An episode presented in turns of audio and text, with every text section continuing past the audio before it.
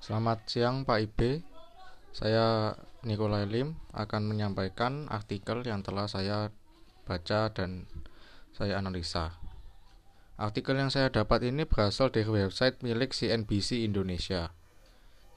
Dalam artikel ini dibahas bahwa seperti yang kita tahu bahwa penularan varian COVID-19 Omicron sudah merebak luas di Indonesia.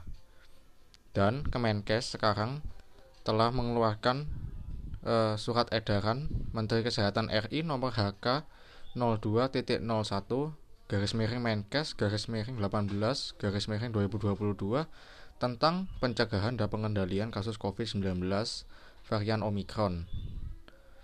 Di dalam artikel ini dibahas bahwa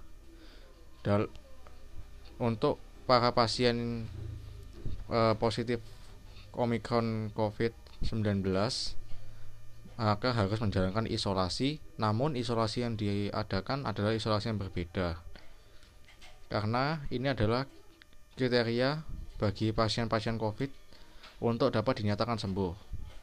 Yang pertama, untuk pasien Omikron yang tidak bergejala namun dinyatakan positif dapat melakukan isolasi mandiri selama 10 hari saja.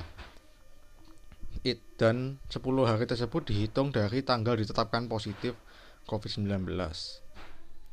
Untuk pasien yang memiliki gejala, isolasi minimal dilakukan 13 hari di rumah di rumah atau 10 hari dengan tiga hari bebas tanpa gejala. Yang dimaksud di sini adalah tiga hari tanpa gejala apa pun yang menandakan terinfeksi COVID-19 seperti demam, batuk, dan lain-lain.